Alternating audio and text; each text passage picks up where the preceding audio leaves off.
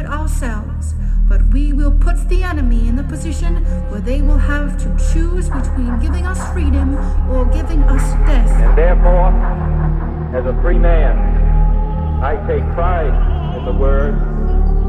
My lord, I am the first accused. I hold the Live out the true meaning of its creed. The gap between the richest 10% and the poorest 10% of this country has widened. And the communist world. This nation will rise up.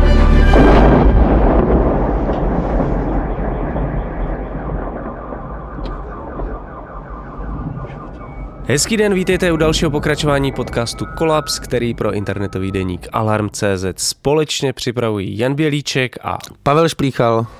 Dnešním tématem nemůže být nic jiného než prezidentské volby. Celou řadu zajímavých dat nám dnes přinese něco jako sociologická superstar. Ale než vám prozradíme, kdo přesně za námi dnes do studia dorazí, tak vám připomínáme taky poslední šanci pomoci nám v hledání dvou tisícovek pravidelných přispěvatelů a přispěvatelek, které hledáme v aktuální kampani Udržitelné médium do neudržitelné doby. Kampaň najdete na našich stránkách a na portále darujme.cz. Chceme totiž nás, náš obsah udržet demokratický, otevřený všem bez paywallu, speciálního obsahu Patreonu, Hero Hero. Všechny naše podcasty, ale i články, reportáže, investigativy publikujeme zdarma, dostupné všem a chceme, aby to tak zůstalo. Právě proto potřebujeme vaši podporu, protože jedině společně můžeme udržet tuto mediální utopii při životě. A děkujeme samozřejmě všem, co nás už podporují. Moc krát díky, jste nejlepší. Nejlepší. No a tou uh, datařskou sociologickou superstar, která za námi dnes dorazila do kolapsu, je Martin Buchtík, ředitel Ústavu empirických studií STEM. Uh, probereme si s ním, co je možné vyčísdat, uh, jak to, že tak výrazným způsobem selhal Andrej Babiš a co stálo za drtivým vítězstvím Petra Pavla. Takže ahoj Martine, vítej v kolapsu a jdeme na to. Ahoj. My jsme se párkrát v lednu potkali a ty jsi vlastně celou dobu říkal, že z těch dat vychází, že výrazným způsobem asi vyhraje Petr Pavel. A jak že jsi byl tak jistý, jako jestli tam nebyl aspoň jeden moment, kdyby si zapochyboval, že to třeba může dopadnout nějak. Ehm, Nepochyboval jsem, protože ta data byla dlouhodobě konzistentní, ehm, byla, všem to vycházelo stejně, vycházelo to velmi dlouhou dobu a celý to vycházelo z toho, že Andrej Babiš byl od, řekněme, konce sněmov, no, od sněmovních voleb pro 50% populace nepřijatelný jako kandidát úplně a to se neměnilo ani s tím, když nastoupila Fialová vláda, ani když vládla Fialová vláda, ani když byla v kritice Fialová vláda, ani když začala válka, ani když Andrej Babiš eh, říkal, že nebude kandidovat nebo bude kandidovat, ani když kandidoval jako hodný Andrej Babiš a ani mezi, Jako ne, po, potom jako zlý Andrej Babiš. Takže vůbec se to neměnilo a z tohohle jsme vycházeli. Jediná nejistota vlastně byla mimo těch dat, že pokud toto v datech vidí tým Andreje Babiše, tak musí mít něco super v rukávu, ale to se potom jako ukázalo, že nemají. No a jak si tím pádem vysvětluješ to, že do toho vůbec Andrej Babiš šel? No, to je největší záhada, na kterou asi eh, nikdy nenajdeme přesnou odpověď, ale pravděpodobné, nebo jedno z možných vysvětlení je to, že eh, oni podle všeho uvažovali už o panu Stropnickém jako kandidátovi a tento eh, i kvůli tomu, že se rozváděl, vlastně složil na poslední chvíli, aspoň Rozumíte, jsou to drby něco jako ze čtvrtý B, kdo s kým chodí a kdo s kým nechodí, ale zhruba takhle. A e, zdá se, že Andrej Babiš to vzal na sebe jako on sám, jako osoba, že to je jeho osobní rozhodnutí, spíš než rozhodnutí toho týmu. Asi tam nevypadá, že by tam byl zatím nějaký mastermind plán. E, Teď se bude samozřejmě mluvit o tom, že to byla jenom příprava na volby v roce 25. Oni sami to říkají vlastně. Ale Ale jako co jiného chci říkat, no. no. jako na druhou stranu, co jiného chci říkat. Ale jako s tím eh, eh, hnutím ano a s tím týmem se dost často jako pojí taková představa, že je v tom nějaký jako vyšší vyšší plán, jako který prostě eh, nekončí tou prezidentskou kampaň. On vlastně se trochu demitizoval celý ten tým teďkom, bych řekl, že je to jasná porážka, že vlastně nepohli s tím uh, volebním výsledkem, by to teda samozřejmě neměli jednoduchý. A jsou tam dva takové efekty podle mě. První je, že se profesionalizovali ty ostatní týmy. Mm-hmm. To je podle mě strašně důležitý, že to není tak, že čtyři měsíce před volbama najmete nějakou jako náhodnou nebo nenáhodnou agenturu nebo reklamku ale že to opravdu jsou eh, lidi, kteří pracují uvnitř toho týmu dlouhodobě. No a za druhý, že jim část toho týmu postupně z hnutí ano odchází.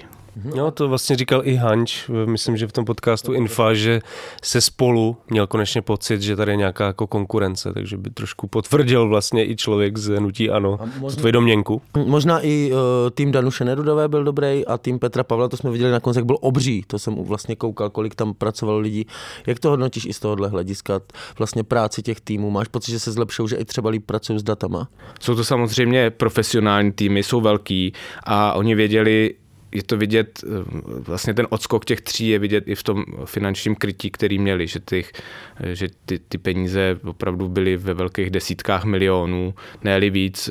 Samozřejmě nevíme, jaké peníze utráceli před tou volební kampaní a než jako oficiálně začala, nicméně tyhle ty tři vyčerpali eh, pravděpodobně v podstatě všechno, co je povolené na tu kampaň. Tam bylo docela zajímavé, že před tím prvním kolem Andrej Babiš nechodil do debat, vlastně ta kampaň byla taková jako až nijaká a pras, před eh, dva týdny před tím druhým kolem se jako něco radikálně změnilo. Změnili jako tu strategii.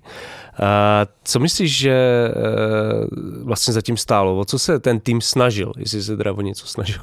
No tak ten tým se nejdřív snažil pohnout veřejným míněním tím, že bude Andrej Babiš vlastně koncenzuálním prezidentem, což eh, během těch tří měsíců nebo dvou měsíců, kdy před tím prvním kolem, kdy bylo jasné, že bude kandidovat, se prostě nepodařilo. No a potom už hrajete mm, jako ve velmi defenzivní situaci, kdy musíte prostě útočit, nezbývá vám nic jiného, než hrát babanka, tak zkoušíte, co se dá a pokud chcete stáhnout rozdíl skoro milionu hlasů za 14 dní, no tak, to, tak prostě jdete do velkého rizika, který pravděpodobně nevíde, ale mm, pokud pořád jdete za vítězstvím a nesledujete tím nic jiného, jako že tady se to asi tak stalo, tak eh, pravděpodobně eh, je to správná strategie. No a co by vlastně musel Andrej Babiš a ten jeho tým udělat před tím druhým kolem, aby Petra Pavla porazili. Jo, jestli by bylo vůbec možné něco takového, co by se muselo stát, když čistě hypoteticky by stáhl ten milion hlasů, což je jako zní šíleně, samozřejmě. Museli by mít nějakou informaci nebo zprávu nebo video nebo něco, co je jasně srozumitelný, hodně skandální a nepřijatelný pro velkou část veřejnosti, tak aby vlastně Petr Pavel eh, ty voliče, aby se ti voliči Petra Pavla demobilizovali ve, jako ale v počtu mnoha statisíců nebo milionů, protože pro něj v tu chvíli už 14 dní před volbama nebyla moc cesta, jak eh, oslovit další voliče. Jo? To zase souvisí s tím, že prostě konzistentně dlouhodobě nepřijatelný, ale trochu se mu zavřela cesta tím, že Tomio Okamura, respektive hnutí SPD, z jejich pohledu takticky správně nedali tu podporu Andreji Babišovi. Eh, jak si vlastně chápal tu kampaň Andreje Babiše před druhým kolem? Jo? Na koho cílila ta kampaň? Protože pro mě to bylo vlastně místy dost nepochopitelný, jakože člověk, který který usiluje o to stát se prezidentem, udělá tuhle kampaň a vlastně nechápal jsem tu logiku zatím, jako koho vlastně chce oslovit. No, Andrej Babiš měl extrémně složitou situaci, nebo ten jeho tým, a hodně ztrácel a musel hrát vabank. Prostě nic jiného vám nezbývá. Jo? Když bych to vzal hokejovou terminologii, Už je to tady. Stej nabízí, nebo ne? Jo, no, já si, Ježíš Maria. 10 minut před koncem. ven. Přesně, no. prohráváš o dva góly nebo o tři, tak musíš s, tím, musíš s tím něco dělat. Musíš s tím něco dělat. Nemáš jinou možnost. A on musel jednak jako demobilizovat eh, voliče Petra Pavla, jednak mobilizovat třeba voliče SPD, mobilizovat jinou emocí nevoliče, eh, ukázat, že on je ten, jako, který to zvládne. No ale eh, potom, což se mu vlastně daří a asi by se mu to dařilo, kdyby to byla kampaň dlouhodobější, kterou by mohl cílit do menších skupin. Oni, jakoby, že ty cílení na ty skupiny, které mají třeba jenom desítky tisíc lidí, jsou velmi efektivní, když to zvládáte, ale tím, že se i tak těch 14 dní hodně koncentrovalo potom do těch diskuzí, na který se dívali lidi průřezově, tak si myslím, že potom ta nekonzistence byla zvlášť viditelná a zároveň jak to bylo jediný téma, ty prezidentské volby a nic jiného se neřešilo, tak vlastně, i když moc nesledujete veřejný dění a je vám to trochu jedno, tak se k vám tady ty zprávy o té nekonzistenci často dostaly. Jo, že to, že to jako napěchovali všechny ty témata do těch debat a působilo to naprosto šíleně. Jo, a, a zároveň si myslím, že to jako přehypovali, že už měli, že Oni vyšli s billboardama hned v neděli po prvním kole, takže to byla, hmm, bylo muselo být strašně dobře připravený a zároveň je musel zaskočit poměrně konfrontační tón uh, tiskový konference Andreje Babiše po prvním kole. Hmm. Jo, tak tam vlastně začal ten, ten neúspěch, už zase v úterý se jakoby omlouval. no, Andrej Babiš se asi neomlouval, ale říkal, že to je chyba, Včera, že tam měl být slovo generál a ne voják, jo, a, a tak podobně, že vlastně to nebylo moc dobře utaktizovaný a prostě to asi museli vsadit, no, já bych... Uh, no a ten asi... výsledek byl ale, že nevím, jak to bude, jak významná to byla skupina lidí, ale že odradil část svých voličů z prvního kola, že vlastně ne, nešli buď k volbám, nebo jenom fakt jako strašně málo procent volilo přímo Pavla, to, to bylo úplně nějaký mizivý, ale spíš nešli k těm volbám. A naopak jako dost nevoličů teda mobilizoval kolik to je, 400 tisíc hlasů navíc, nevím, jestli to byly jenom nevoliči, byl to asi i fanoušci Bašty a tak dále, voliči Bašty. Ale byli, byli to i určitě část voličů Pavla Fischera, Danuše hmm. Nerudové, my jsme to v těch datech viděli poměrně jasně. to nebylo jenom nevolič. Tam můžeš mít jako autentický důvody, jako zase si vyberu jeden anekdotický, pokud si byl na, na vojně a máš z toho jako velmi špatný zážitky, tak prostě nikdy nebudeš chtít vojáka a ten zážitek toho, že jako zelený mozek, když to zjednoduším, nikdy nechceš mít v čele státu, přebije hmm. vlastně všechno a je to vlastně legitimní, protože tvoje životní zkušenost je takhle silná. Jo.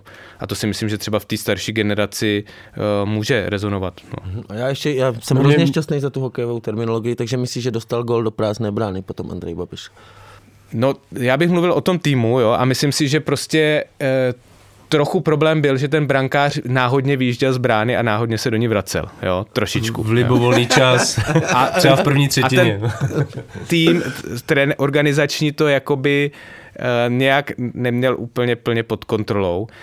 Zároveň uh, je možný, a teď trochu spekuluju, že vlastně to Andrej Babi řekl, já to opravdu urvu na sebe a řekl, já si tady nebudu taktizovat na to, že půjdu z toho udělat kampaň proti jenom uh, Fialově vládě, ne, nebudu si tady pomáhat uh, na tu šachovnici uh, to, těch, těch, tý sněmovny, ale opravdu to já chci jít vyhrát a teďkom se mě zajímají jenom ty prezidentské volby. To je hodně jako pravděpodobný podle mě, že, že tam jako došlo k tomu odmítnutí toho, že pojďme se teda připravit na tu porážku a pojďme už vlastně hledat nějakou cestu, jak to přetavit víc do, jako výhodu do, do z těch sněmovních voleb. A myslíš, že si může tohle udržet?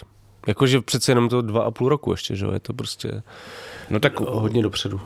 Když jestli z toho bude jenom používat argument, já tady mám 2 miliony 400 tisíc hlasů a vy, pane Fialo, máte čo, tak to je, myslím... To stačí. Eh, důležitá věc, jo, kterou, hmm. kterou když budou opakovat, tak a to, to on, určitě fungovat bude. To bude opakovat. On většinou, jak něco začne, tak už to většinou opakuje, věci opakuje, opakuje. Často. Možná bude pořád mluvit o míru.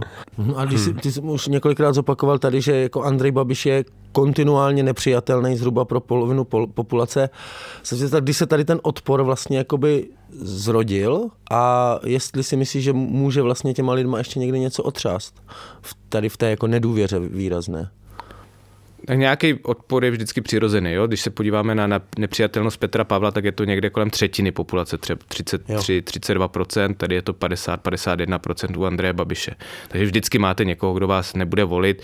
U Jaroslava Bašty je to třeba 57%, jo? naprostá nepřijatelnost. A, takže to je jedna odpověď. Druhá odpověď je, on vlastně pomáhal budování svojí nepřijatelnosti tím, že, že se vymezoval vůči ostatním, hodně se mluví o takovém tom jako populistickém scénáři, že, že musíte si najít nepřítele a toho uh, pojmenovávat a vlastně ty lidi nemusí být nutně pro vás, stačí, když jsou proti tomu druhému. A třetí je podle mě i v tom, a zdá se, že to byl jeden z důvodů, proč hnutí ANO ztratilo být i teoretický šance na to složit třeba jednobarevnou vládu v nějaký moment, eh, že jeho, eh, jeho pověst byla tako, je taková, že vlastně jakoby kradl, nebo je neférovej, obecně řečeno, a to se koncentrovalo potom do kauzy Čapí hnízdo, ale v té byl osvobozený, jak dobře víme, no. a myslím si, že to může zase očpuntovat třeba v kombinaci s nějakou složitou socioekonomickou situací, nebo ekonomickou situací ve společnosti eh, zase růst hnutí ano a může jít víc než na 30%, který je teď pomyslný strop. Mm-hmm. No mně šlo o to, že vlastně ty v těch datech vlastně nacházíš, on o tom sám Babiš mluví, mluví se o tom nějaké publicistice, řekněme politologii, takové té bulvárnější, jakože ten antibabiš, že to je prostě ten antibabiš, že to je vlastně nějaký typ ideologie nebo něco takového. Jako mě by zajímalo, co to vlastně, jestli třeba ty lidi, kteří ho odmítají, spojuje něco jiného, než třeba, že volili strany současné vládní koalice. Jestli se to nějak dá změřit i jakoby sociologicky, v čem ten antibabiš leží. No jestli má něco společného část voličů SPD a část voličů TOP 09, tak je to pravděpodobně právě odpor vůči Andreji Babišovi. Jo? Aha, takže... takže ono to jde jako z různých stran a není náhoda, že hnutí ANO zatím nevyluxovalo prostě celý ten elektorát, v těch sněm, sněmovních volbách, no spíš, ne, spíš ČSSD, řekněme, jo, přísahy jo. a tak podobně, jo. protože to jsou lidi, kteří prostě nechtějí volit pravicové nebo konzervativní uh strany uh, typu ODS, ale zároveň nevědí budoucnost Andreje Babišovi. Jo. Takže tam prostě ta mm, nějaký vymezení se je i uvnitř, uh, uvnitř řekněme, jako skupiny lidí, kteří nevolí eh, vládní strany. To, že lidi, kteří volili vládní strany, rozhodně nebudou volit Andreje Babiše, skoro jistě je dlouhodobě známá věc. Mhm, ale je tam ještě nějaký přesah vlastně ještě, který do jiných stran, nejsou to jenom strany vládní koalice, ale ještě někdy. Přesně tak. No, když se přesuneme k, ke kampani Petra Pavla, byly tam nějaký potenciální problémy, něco, co by vlastně mohlo výrazně uškodit jemu, kromě toho, ty už jste zmiňoval nějakou velkou jako kompromitující informaci, se kterou by přišlo nutí ano, ale bylo tam něco, co by ho ohrožovalo, kromě tohohle? No vlastně jediný ten okamžik byl před prvním kolem eh, Danuše Nerudová a její nástup, tak kdyby se nepotýkala potom s vlastním vlastně problémy a nebyla v defenzivě, tak klidně mohla postoupit do toho druhého kola, protože tam došlo vlastně spíš ke schodě schodě okolností, řekl bych, to se nedá moc načasovat, kdy její známost i popularita vlastně rostly někdy na přelomu listopadu a prosince a naopak Petr Pavel byl ve velké defenzivě, hodně se mluvilo o jeho komunistické minulosti, o tom, co všechno byl, nebyl, nějaký dopisy kamarádů a tak dál a tak dál. A e, ta kampaň Danuše Nerudové musela být postavená na tom, že neudělají ani jednu chybu. A vlastně ta, situa- ta kauza, byť velmi složitě srozumitelná s Mendlovy univerzity, eh, její dostala před Vánocemi do velké defenzívy a tím to skončilo. A zůstala s ní až do těch debat v podstatě, že jo? Oni se tady z tohle problému nedostali až do konce. Myslíš si, že hypoteticky, já nevím, jestli se to dá nějak porovnat, ale že kdyby to první kolo vyhrála Danuš Nerudová, tak by ten výsledek byl stejný? Byl by velmi podobný podle všech dat, který máme. Mm-hmm. Když se podíváme třeba na ty výsledky Petra Pavla, tak eh, najdeš tam něco překvapivého, jako něco eh, mezi těmi podporovateli. Myslím, že to občas se zmiňuje, že získal v druhém kole některé podporovatele, třeba Jaroslava Bašty, jako lidi, kteří volili SPD. Jak si to vysvětluješ? Nebo je tam i něco podobně zvláštního a typického? No, jenom je třeba říct, že u toho Jaroslava Bašty, že on získal třeba čtvrt milionu hlasů a jestli 10 nebo 20 tisíc voličů šlo volit Petra Pavla, tak hmm. zhruba takhle, jo, že to, to není, není nějaký moc. masivní přeliv yes. Eh, Petrovi Pavlovi. Je to i daný prostě tou neochotou volit Andreje Babiše pro část voličů SPD a, a tím, že si každý člověk vlastně vybírá, co chce na tom kandidátovi vidět, jo, takže prostě vlastně není určitě pochyb o tom, že třeba Petr Pavel je vlastenec, byť třeba v jiném slova smyslu, než by si to rýsoval Tomio Okamura. Mhm. Myslím, že to mohlo zafungovat tohle. No tak ne- nefungovalo to zjevně nějak masově, ale, ale někoho. jakoby představovat si, že, že mm, voliči budou jednat jak z učebnice, tak to tak není.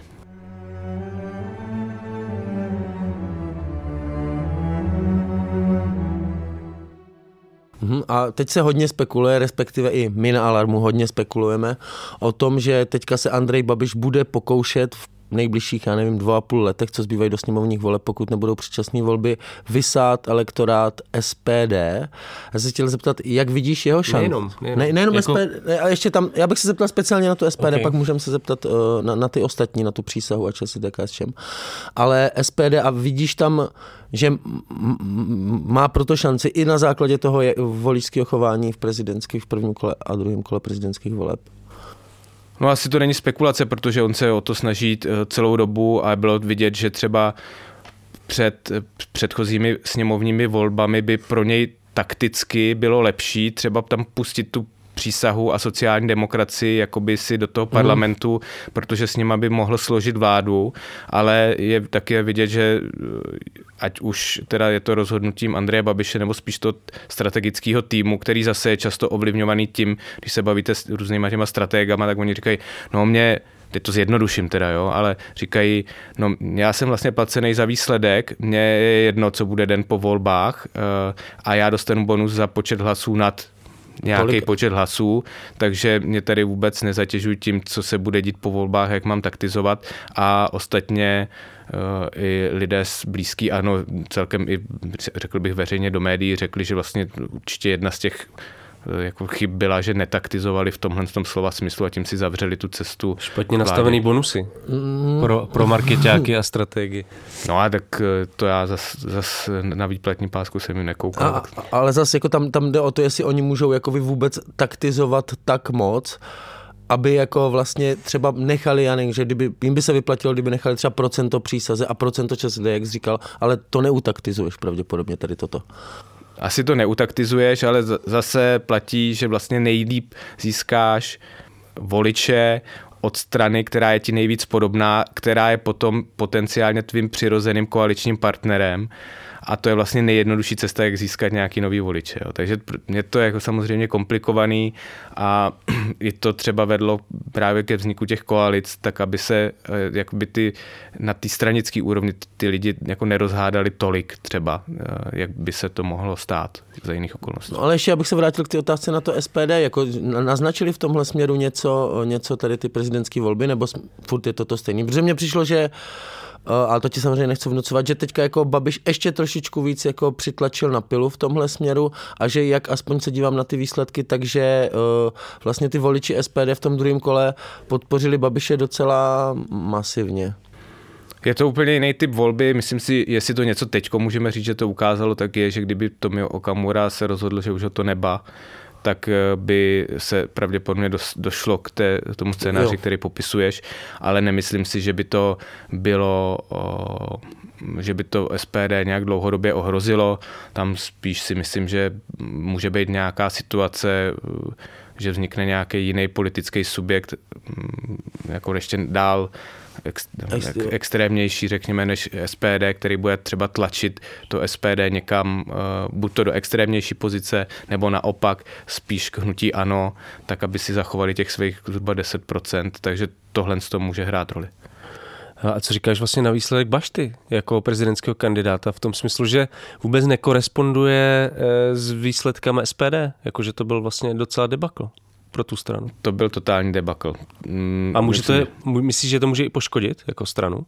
No částečně to asi poškodit stranu může, nicméně ty nejbližší volby jsou evropský, tam SPD prostě dostane nějaký protestní hlasy, nemá moc o co hrát, že oni nemůžou nějak vehementně říkat, že jim strašně záleží na evropských volbách a, eh, a teď je asi předčasný soudit. Myslím si, že vliv na volby, pokud budou v řádném termínu jako sněmovní volby, to mít žádný nebude. Hmm.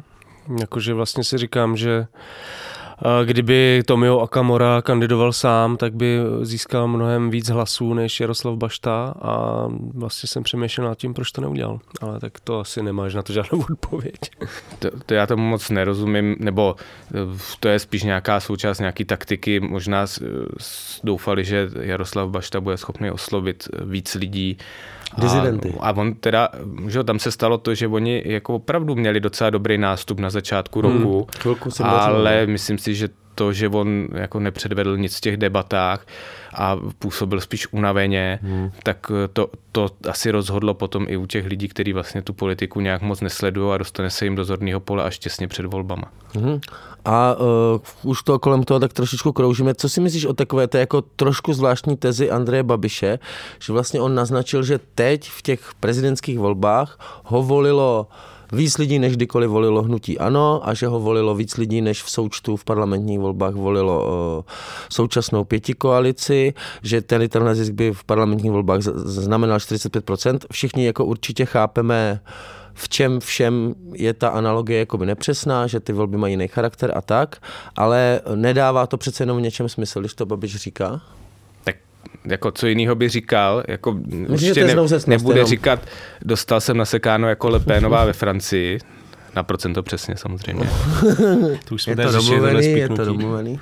A datařů. Uh, a, ale v tomhle tom má v jádru pravdu. On to ukázalo prostě maximální potenciál, kam by si teoreticky mohli, mohli, sáhnout. mohli sáhnout. Samozřejmě se to nestane, protože ty sněmovní volby mají jiný charakter, ale otestovali na tom, kolik voličů jsou za nějakých okolností schopni oslovit a, a, a vlastně si z toho musí vzít to, to pozitivní pro ně je tady ten tady ta zpráva. Nicméně zase na druhou stranu, když si to vezmeme analyticky, tak oba dva dostali v prvním kole 35%, mm-hmm. čili zbývá 35 a 35 je 70, čili vám zbývá 30% hlasů. Asi by to bylo přepo, lepší přepočítávat na ty jako fyzické počty hlasů, ale když ty procenta taky takhle jako korespondují v tom, že on potom už dostal 7% a Petr Pavel dostal 23% z těch jako kdyby zbývajících, byť víme, že tam byli nějaký lidi, kteří nepřišli volit nebo přišli volit nově, ale to je, to by vlastně ukazuje, že dostali o jako míň, dostali míň, než čekali. Z druhé strany opravdu museli hrát bank, který prostě nevyšel a bylo to vidět v těch debatách, kdy Andrej Babiš ještě v sobotu po vyhlášení výsledků vole vlastně vysvětloval, že by Polákům teda na pomoc přišel a tak podobně, že on se tam dostal do těch, hmm. do, do, jako do defenzívy, nikoli tak, že bys nějak extra ztrácel hlasy, ale prostě když chodíš tři dny a jenom vysvětluješ eh, svůj nějaký výrok, tak vlastně nemůžeš hrát tu jako aktivní eh, kamp, kampaň a vlastně se tam zahnali sami, a což zase odpovídá, eh, možná ukazuje proč Andrej Babiš nechodil před prvním kolem do debat, že to vlastně možná souviselo i s tady s tím, eh, že se báli, že by tam mohlo něco takového jako plácnout. No a potom v tom druhém kole, když on byl vyzývatel, tak nešlo jinak, než tam chodit. Jo, jo, a ve chvíli, kdy, ve chvíli, kdy uh, vlastně Babiš teda tady tohle říká a ty říkáš, že na tom něco je, že si šáhne na ten potenciál svůj maximální, tak neukazuje to, ne, nebo ne, nemusí, jo, ale neukazuje to i zároveň obrovský potenciál toho antibabiš, že prostě ti lidi to tomu Babišovi v těch volbách prostě nedají a vlastně, že mobilizuje nejen pro sebe, ale ještě víc mobilizuje proti sobě. Tak je to skoro vždycky. My víme, že zhruba 25% lidí šlo volit proti tomu kandidátovi, jo. A, e, na obou stranách. Na obou no. stranách zhruba. Je, budeme vidět potom zhruba. nějaký finální data jo. třeba za, za tři týdny, ale zhruba takhle to funguje. Mm-hmm, jo, takže, takže to není nic, jako antibabiš není nic speciálního, to je prostě odpor k politikům, který asi je ve všech zemích podobný a každý politik takhle vyvolává nějakou polarizaci. No, prostě. Ne každý, protože běžný člověk zná tak čtyři, nebo běžný člověk, člověk, který nesleduje politickou scénu, tak zná třeba pět, šest, čtyři nějaký politiky nějak líp a má na ně názor a ty ostatní vlastně nezná. No. Jo, ale z těch známých, z těch známých polarizuje každý, jako ne, nevymyká se Babiš tady tímhle. No vymyká se tím, že on řídí stranu, která je postavená na silném lídrovi, stejně jako Tomio Okamura, je taky vlastně zbuzuje nějakou emoci jasnou, ale eh, Vídra Kušan určitě ne, jo. No tam bylo docela zajímavé, často mluvíme o tom e, rozdílu mezi centrem a periferií, že vlastně e, Babiš a politici jeho typu oslovují takzvané Česko B. Tam bylo zajímavé v, těmhle, e, v těchto výsledcích, že Petr Pavel docela dost zabodoval i v těch chudších regionech, i mezi lidmi v horší socioekonomické situaci. Čím si to vysvětluješ, nebo čím je oslovil podle tebe? No, za prvý bych si jednou provždy rád řekl, že neexistuje Česko A a Česko B a že to je natolik zjednodušující přirovnání, že nám zatemňuje schopnost porozumět tomu, co se v téhle zemi děje a jak tahle společnost funguje. Jo. Mm-hmm. A uh, ten úspěch... Tak to můžeš možná vysvětlit, proč. Mm, jo, protože... Dobře. To budeme rádi.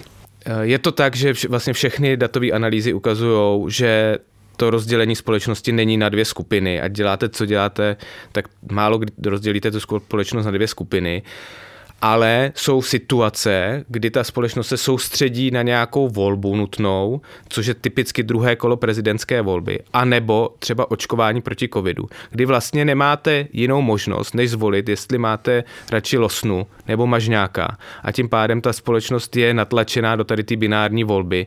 A potom, protože to je jednoduchý, tak se o tom hodně takhle mluví. Jo.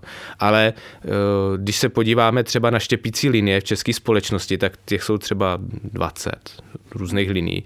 A ne, není to tak, že by ten člověk se stavěl z pravidla na nějakou jako jednu stranu systematicky. On je v nějaké linii prostě na jedné straně, v druhé, na druhé straně, teď se to fluidně prostě tekutě přelejvá, ty koalice eh, v té eh, společnosti se vytváří ad hoc, potom často je to tak, že já vlastně nemám nějaký silný názor, ale vím, nevím, co chci, ale vím, co nechci, to je podobný tomu, jako když jdete na střední nebo na vysokou školu, že jo, tak vyškrtáte to, co nechcete, jako nemám rád češtinu a nemám rád jazyky, takže si vyberu s ČVUT nebo VŠCHT nebo VUT typicky, ale vlastně je mi trochu jedno, nebo trochu náhodně, že jo, po té po volbě té školy. No.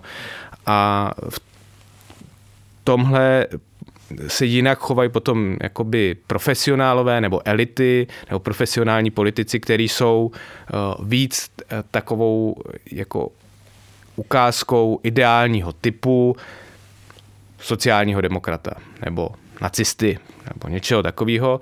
Je to daný samozřejmě i tím, jak hluboce přemýšlí o tom tématu profesionálně, ale i tím, že třeba ti vrcholní politici jsou svým způsobem jako trochu jako delitičinka, že potřebujete vědět, musíte být srozumitelný a říkat něco jakoby zdánlivě srozum, aspoň zdánlivě srozumitelného nějaký skupině voličů, kterou oslovuje. Já jsem to teda nemyslel vůbec jako v tom, že Česko A a Česko B mají nějakou specifickou politickou ideologickou pozici, ale spíš jako z toho socioekonomického postavení. Jo? Že vlastně tady máš nějaký centrum právě versus periferie. Takhle chápu Česko A, Česko B.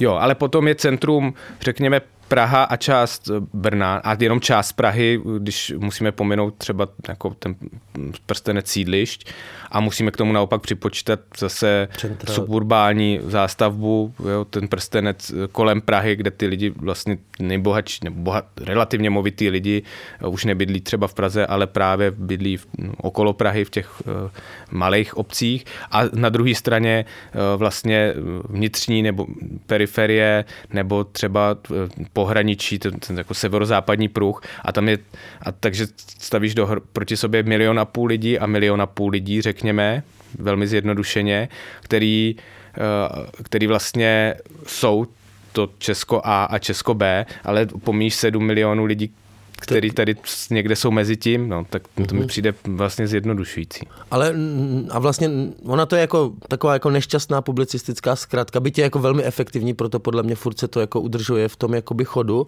ale není to tak, že, že samotná ta jakoby, třeba v těchto volbách to Andrej Babiš s tím pracoval, že ta politická polarizace potom vlastně jakoby vlastně tlačí tady tu jakoby sociální polarizaci, nebo jak to pojmenovat.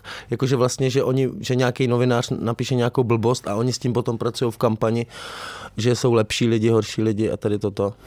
Jo, a tak e, pracovala s tím i kampaň Petra Pavla, že, která pojmenovávala, jsou tady ty morální lidi a pak jsou tady ty nemorální lidi, dokonce i Petr Pavel říkal, že jsou tady dva světy.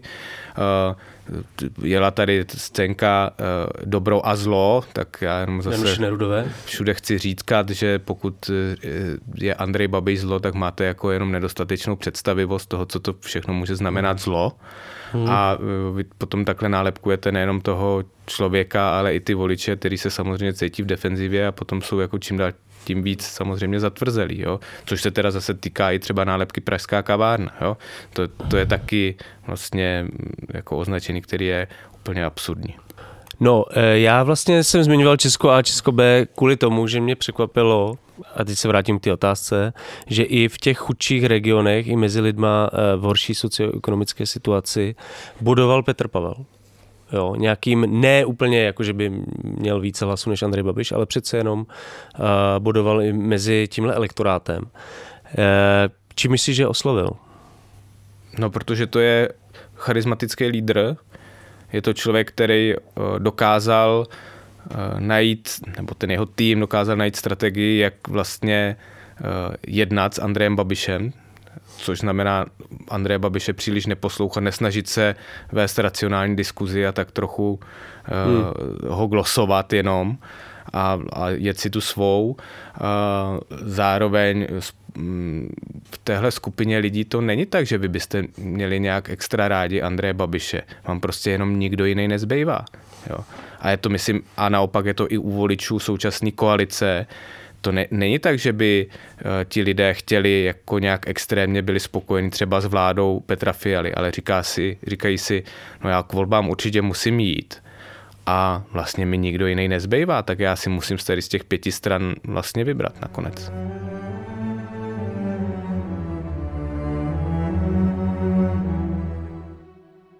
Vinila, vinila, vinila. Vinila, večírek s českou hudební scénou. Přijďte si poslechnout čtyři výrazná alba a objevy loňského roku. Živě vystoupí Anna Vaverková, Lobbyboy and Saab 900 Turbo, Mat 213 a Tamara. 22. února Lucerna Music Bar. Pořádají hudební ceny Vinila. Vinila, Vinila. Mediálním partnerem je Alarm.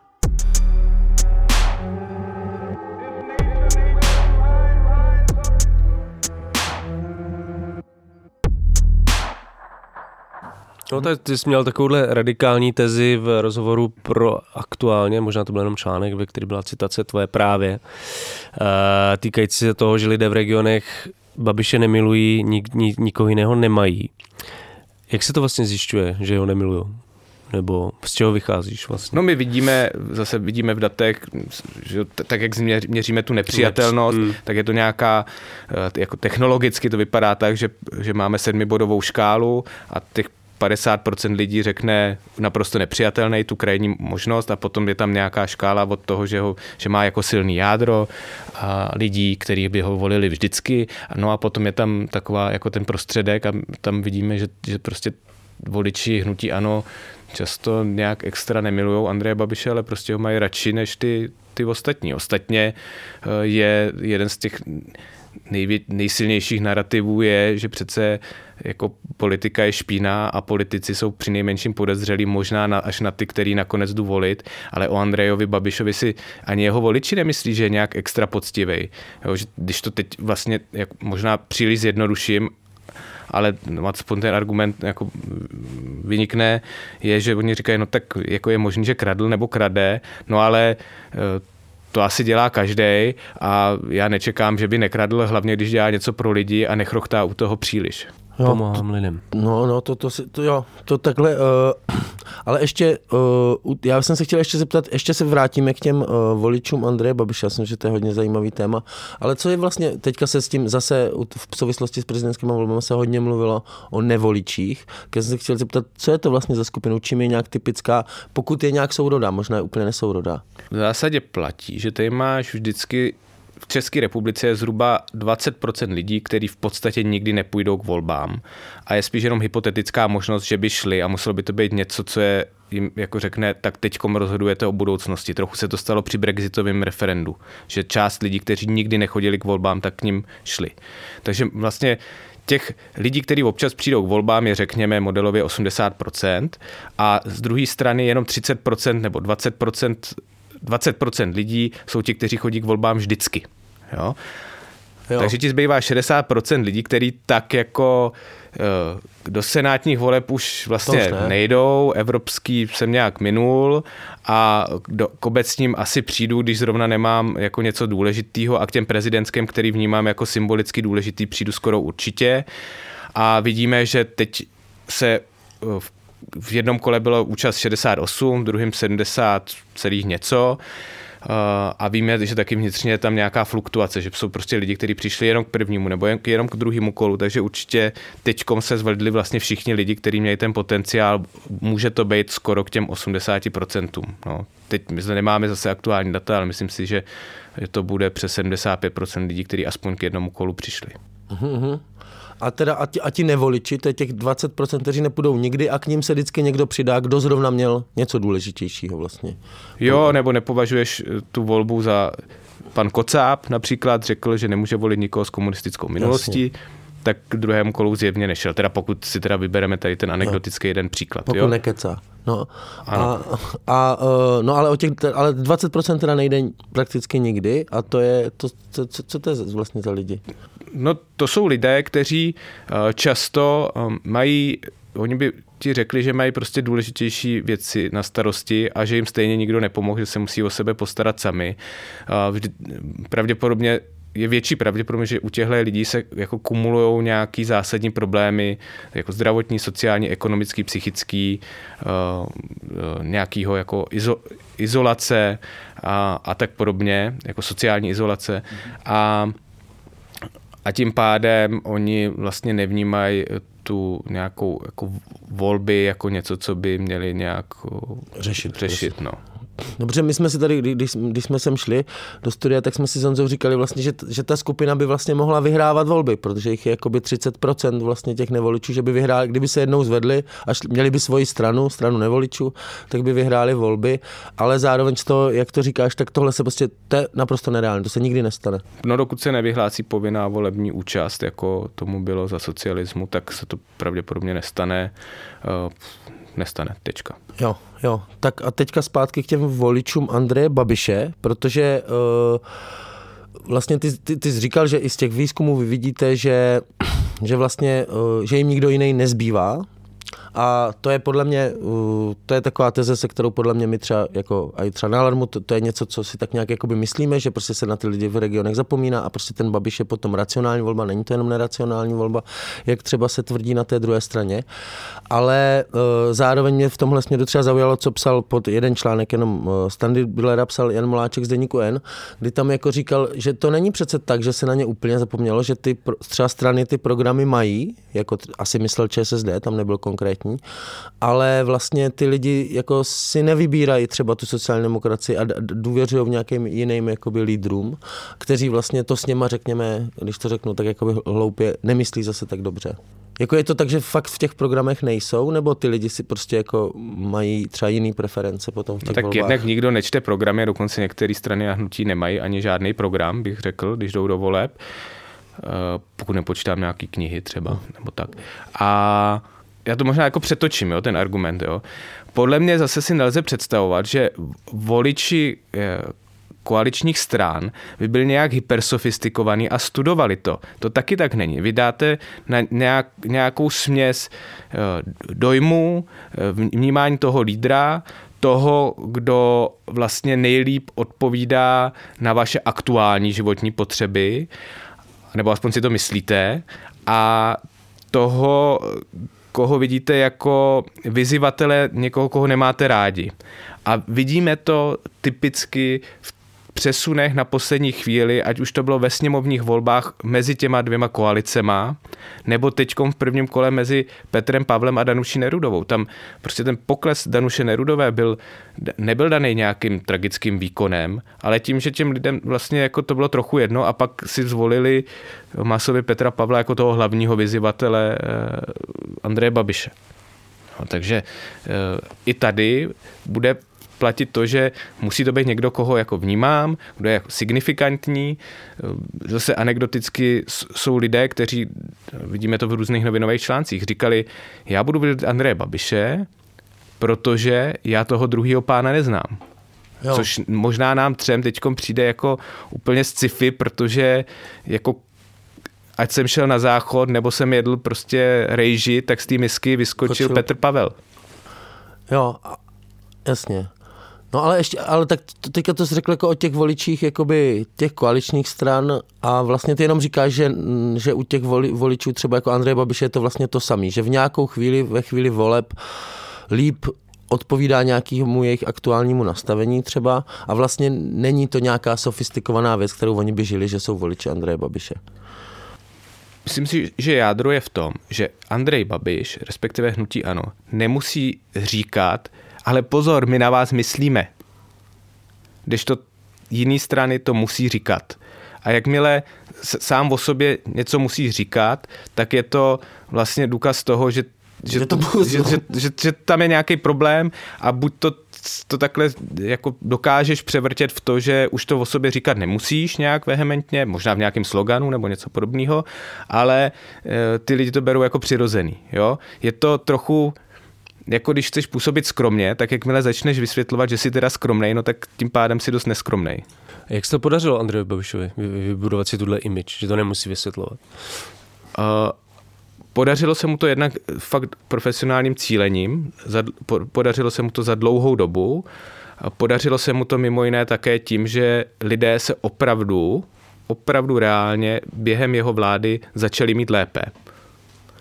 A teď samozřejmě můžeme diskutovat o tom, jestli to bylo konjunkturou. ekonomickou konjunkturou na globální úrovni, nebo jestli to bylo Andrejem Babišem, nebo koalici s ČSSD. Koalici s ČSSD, nebo eh, čím, čím to bylo. Ale rozhodně je to tak, že a to si myslím, že jako spoustu třeba voličů eh, těch koaličních stran nedocenuje, že když máš důchod 14 tisíc modelově a 10 tisíc dáš za léky, bydlení a potraviny, takže ti zbývají 4 tisíce jako ten disponzibilní příjem, se kterým si můžeš dělat v uvozovkách, co chceš a někdo ti přidá tisícovku. Takže to není ha, ha, ha koupil jsem si toho člověka za tisícovku, tak jak mi to tady jako občas popisují uh, lidi pracující na expertních pozicích, ale tvůj disponzibilní příjem se zvedne o 20%. Jasně, no. No a to jsem se chtěl zeptat, jestli máte třeba uh, nějaký data, který ty opatření jsou jako mm, ty, který vlastně ty jeho voliči nejvíc oceňují v tomhle ohledu. No oni právě, ten trik je, že neocenují něco konkrétního. Jsou to vlastně příběhy toho, že oni pocitují, že se mají líp, nebo měli líp, měli se fakt dobře a že my v datech vidíme, že třeba po konci, někdy na, v roce 2014, uh, eh, mezi rokem 2014 a 2000 Eh, před covidem 2020, eh, tady ubylo třeba 2 miliony lidí, kteří mají jak těžko vychází s příjmem. To je prostě hmm. strašně hodně, ne? Hmm. No to je 2 miliony. 2 miliony třeba, jo. Bylo to samozřejmě daný tím, že tam byla předtím eh, ekonomická recese, krize, takže, takže vlastně těch, kteří měli nějaký, nějaký problém, hospodařit bylo jako hodně a potom byla dlouhá konjunktura, jako jasně, je to přirozený, no ale eh, je těm lidem je vlastně trochu jedno, ne? Jako, je, jako čím to bylo mhm. způsobený a vlastně ta intelektuální diskuze je nemusí zajímat. Hmm. Za Babiše bylo líp. no, to stačí. to, to, to asi stačí.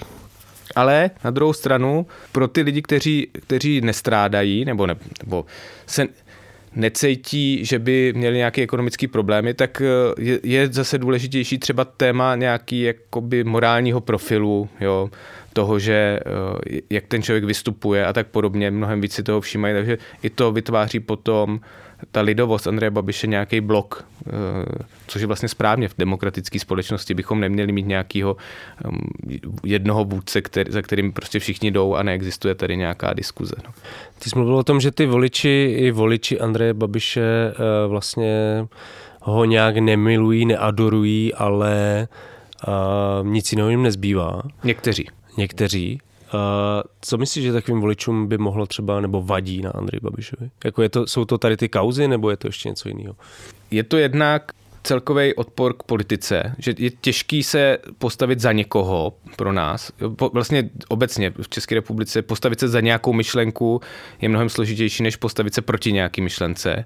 A to je jako jeden ohled. Druhý ohled je, že on opravdu jakoby není moc pravdomluvný, že jo. Dokonce by se dalo říct, že někdy lže, i když nemusí. a, ze sportu. A že jeho promluvy třeba v těch debatách jako nejsou úplně konzistentní a nedávají vždycky smysl. Uh, on uh, pro ty lidi jako ne, není nějaký jako zvlášť sympatický pro některý, mm. jo, ale třeba je tady milion lidí, pro který je hodně sympatický, jak pro který je nějakým způsobem uh, charismatický, je to přesně ty příběhy všichni známe, že to je člověk, který už uspěl a to je dobře, že jdou do politiky lidi, kteří jsou úspěšní v nějakém soukromém životě přece. No, tohle fungovalo od začátku hlavně, nástupem ano. Pak to trošku se ztrácelo, tady tenhle eh, jako pel tady tohle argumentu. Ale mezi těma core lidma, kteří mají rádi, to asi furt je, že to je ten člověk, co něco dokázal.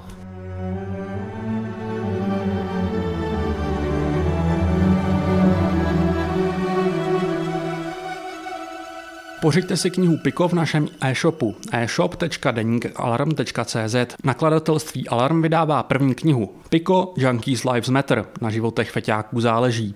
A Polena Rychlíková a Pavel Šplíchal popisují prostřednictvím příběhů uživatelů pervitinu jeden ze zásadních fenoménů české periferie. Jak pervitin souvisí s chudobou? Proč se z něj stal motor levné práce v Česku? Proč dnes většina uživatelů drog začíná právě na pervitinu? Svůj výtisk s autorskými ilustracemi Tomáše Motala si pořiďte v našem e-shopu e-shop.denikalarm.cz.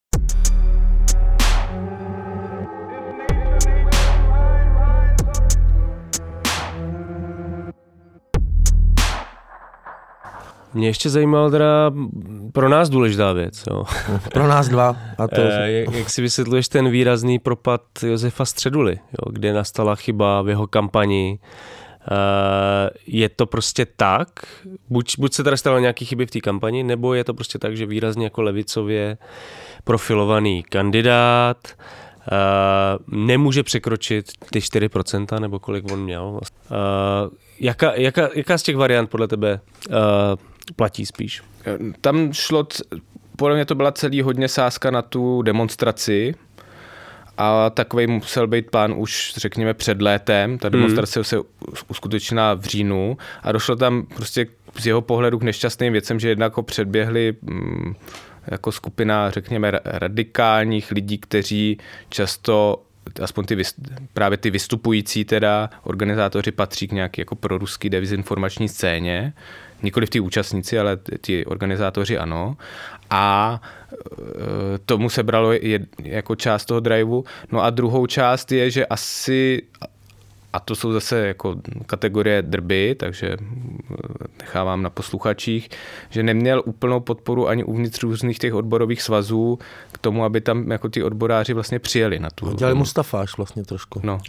Tak pokud vím, tak jako Josef Středul to celý prezentoval a tak možná zněla i ta dohoda mezi odborovými svazy různými, že to je jeho osobní jako občanská kampaň, že prostě to nemá nic společného s odbory a e, z tohohle důvodu se asi ani nezapojili ty odborové svazy do té demonstrace. No. Takže tam bylo takový asi nevyjasněný, nevyjasněná pozice. A zároveň je zajímavý, že když byla ta, uh, jak to říct, obrovská pro ruská demonstrace a tak ta, jo, ta, ta na Václaváku, tak na to bylo ještě předtím, než se zavedl ten úsporný tarif a, a strop na energie a vlastně mezi tím to proběhlo, pod, možná i v reakci na tu, na tu demonstraci. No, oni minimálně, oni to tak vykládají. A pak ne? následovala uh, ta, ta demonstrace odborářská, kdy už vlastně jo, to je ten nejhorší, nejpalčivější věc byla tak trošku jako sklidněná. No. No a myslím si, že tam byl ten moment, kdy vlastně i lidi, kteří by třeba před, jako mu chtěli dát peníze, tak viděli, že to nefunguje, odvrátil se od něj i Miloš Zeman, řekněme, a e, samozřejmě tam musela být i nějaká kalkulace, jestli vůbec Andrej Babiš půjde do té volby. Já si myslím, že autenticky nevěděl až, řekněme, do tří týdnů, nebo jak, jak dlouho trvá ta jako produkce všech těch fotografií a billboardů a tak, že poměrně dlouho nevěděl, jestli do ní půjde nebo ne. Toto mě překvapuje, že, že, že ty říkáš, že, že to nevěděl, protože mě třeba ani nenapadlo přemýšlet nad tím, že by to z jejich strany byla jenom nějaká game, že, že jsem si myslel, že to je prostě jasný, že bude Babiš. Kandidát. No, no. Hmm, já si myslím, No, že no. v některý momenty bylo skoro jasný, že tam nepůjde do toho. Ostatně jsme tady, jak jsme se bavili úplně na začátku, tak ty čísla prostě ne, nehovořily pro něj. On si šel pro porážku a musel tam být nějaký takovýhle rozhodnutí, že buď to našli tu analyti, analyticky našli cestu, anebo řekl, já to jako urvu ve stínu týho, toho druhého kola kampaně, který začalo vlastně tím projevem, který on, eh, po prvním kole, který on urval na sebe, Hmm. a, a ti, ten jeho tým jako, tak jako koukal, co to vlastně je. Co to vlastně se Ani děje, se no. tím vlastně netajil, eh, tak eh, myslím si, že teď tam je taková nějaká nepohoda. Andrej Babiš se Hmm. nechal už dneska slyšet, že eh, marketéři nebyli moc dobrý tentokrát a, a ty marketéři zase ho jako vlastně nepřímo kritizujou. No. Takže tam je nějaká nepohoda v tom týmu. No ne, jestli to nebude podobný efekt, jako, nebo to rozhodnutí, já si to tak pokud teda nebudeme spekulovat o těch parlamentních volbách 2025, tak eh, to rozhodnutí je, když nenas, nenasadíme silného kandidáta do prezidentských voleb, tak nás to může poškodit. Jo. A pravděpodobně nenašli žádného silnějšího kandidáta než Andrej Babiše. To si to, no. A, a, a to ty říkal, že Středulovi nevyšla ta, eh, ta sázka vlastně na tu demonstraci.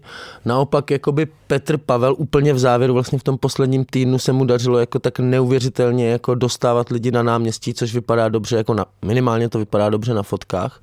Ale jaký toto má jakoby efekt to, eh, že dostaneš lidi na náměstí? Jako je to něco jiného, než, než že to jsou hezké fotky, nebo to v té společnosti jako něco dělá, nebo o něčem to vypovídá? Protože třeba já jsem četl rozhovor potom hnedka druhý den s nějakým sociologem, myslím na denníku to bylo, jo, kde říkal, že to vlastně nic jakoby neznamená, protože prostě těch lidí tam je pár tisíc a to je pár tisíc hlasů a rozhodují ty lidi, kteří nikam nechodí. Ale samozřejmě eh, je to vždycky tak, že důležitější je to echo, to vyprávění, že tady je nějaká jako naděje, skupina lidí, která se je schopná mobilizovat, může mluvit o my, my jsme, jako já, já jsem jeden z vás. Uh, Ten úspěch v Ústí nad Labem byl hodně symbolický, byl hodně propíraný. Najednou, zatímco o jednom kandidátovi se mluvilo o tom, že by nepo, nepodpořil Polsko a že prezident Zeman to jede žehli, tak o druhém se mluvilo o tom, že přijel do bašty prostě protivníka a, a tam přišlo jako plný náměstí. A není náhodou, že on potom uh, titulka Blesku v pátek před druhým kolem volby byla jedna z těch fotek, který, uh, který jsou z těch, těch schromáždění. Jo? Takže to on to samozřejmě využil takhle. Tam nejde o to, že mobilizuješ eh, tisíc, dva tisíce lidí, tam jde o to, že jak to vypadá, jako jaký příběh k tomu vyprávíš, kdo to vidí na sociálních sítích a to samozřejmě platí i o Ondřeji Babišovi, jo, o tom, eh, tam jsou dva druhy, že jo, kontaktní kampaně, jedna byla ta dlouhodobá, ostatně i Petr Pavel objížděl vlastně republiku, Andrej Babiš to dělal s tím svým jako proslaveným obytňákem, tak tam to mělo smysl takhle, jakože ta kontaktní kampaň, ale eh, mezi těma kolama už ta kontaktní kampaň je jako součástí nějaký připraveného, připraveného scénáře a sam, to, že dojedeš někam do příbramy, um, nemá zas takový vliv na tu volbu. Jo. I proto oni podle mě zrušili po tom finále ty kontaktní kampaně v tom druhém týdnu, protože uh, si spočítali, že připravovat toho kandidáta na tu večerní debatu, kterou oni samozřejmě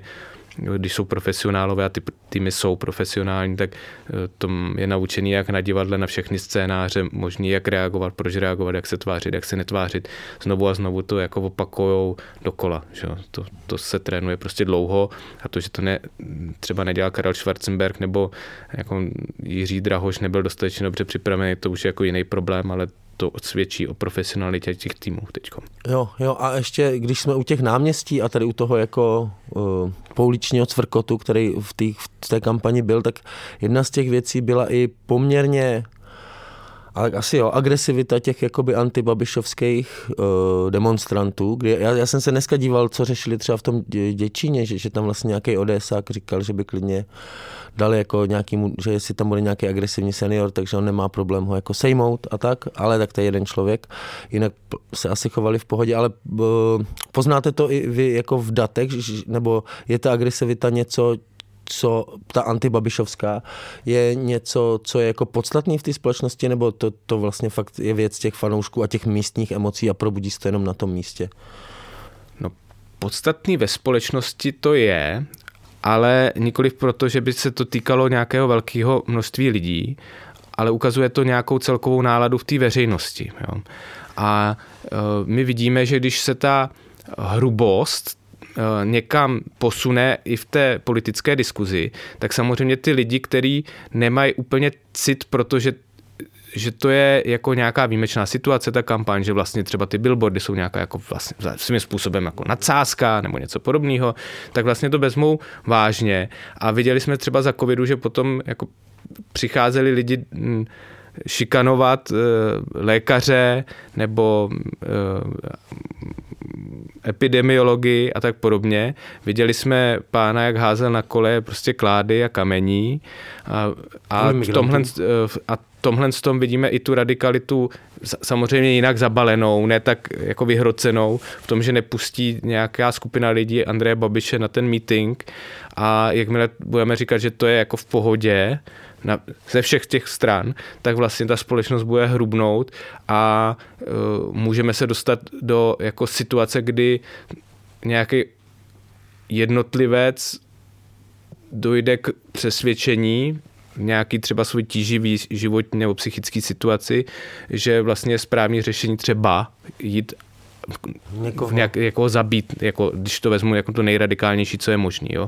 A, a tady ty projevy, ty, tady ty radikální projevy jsou samozřejmě v tomhle tom potom jakoby odrazem té eh, nastavení té společenské debaty. Jo. Mhm. Samozřejmě jsou jako radikální a nelze zase říkat, že všichni, kdo mají rádi kandidáta A, B nebo C, tak jsou jako stejně radikální jako jejich, eh, jako jeden tady ten příklad, jeden tenhle zástupce. Mhm. Já jenom, že vlastně jako něco jako politická blokáda, nebo jak to pojmenovat. Já jsem si vzpomněl na blokády jako náckovských pochodů, což má ale přece jenom jako úplně jiný charakter, protože tam se třeba často blokuje, že oni chcou procházet třeba nějakým územím, kde prochází Romové a tam je to potom jako legitimní to blokovat, ale jako je otázka tady, co, co tohle je vlastně jako za politický projev, že nedovolíš jakoby kandidátovi, byť třeba extrémně nesympatický, mu se nesetkat se svýma voličema. No, mně to přijde jako za hranou, ale mm, to je tak všechno, co k tomu můžu říct, jo. No a dá se to využít pak v tom narrativu. No, no jasně, no, tak tomu využíval. O výsledcích prezidentských voleb, vítězství Petra Pavla a drtivé prohře Andreje Babiše jsme si dnes povídali s ředitelem STEMu Martinem Buchtíkem. Moc díky za návštěvu, Martine, a měj se skvěle. Děkuji za pozvání. Uh, už to skoro všechno. Česko má nového prezidenta, Alarm stále hledá 2000 pravidelných dárců a dárkyň, nebo předplatitelů a předplatitelek, kteří nám pomohou udržet naše médium bez paywallu a zdarma pro všechny. A podporou Alarmu zároveň podporujete i tento podcast, takže pokud nás rádi posloucháte a Alarmu ještě žádné peníze neposíláte a zrovna si to může dovol, můžete dovolit, zkuste to zvážit. Pomůžete nám tento projekt posunout zase o kousek dál. To už je z dnešního prezidentského dílu podcastu Kolaps úplně všechno. Ze studia Mr. Bomba se loučí Jan Bělíček a Pavel Šplíchal. Díky a mějte se skvěle. Čau. Čest.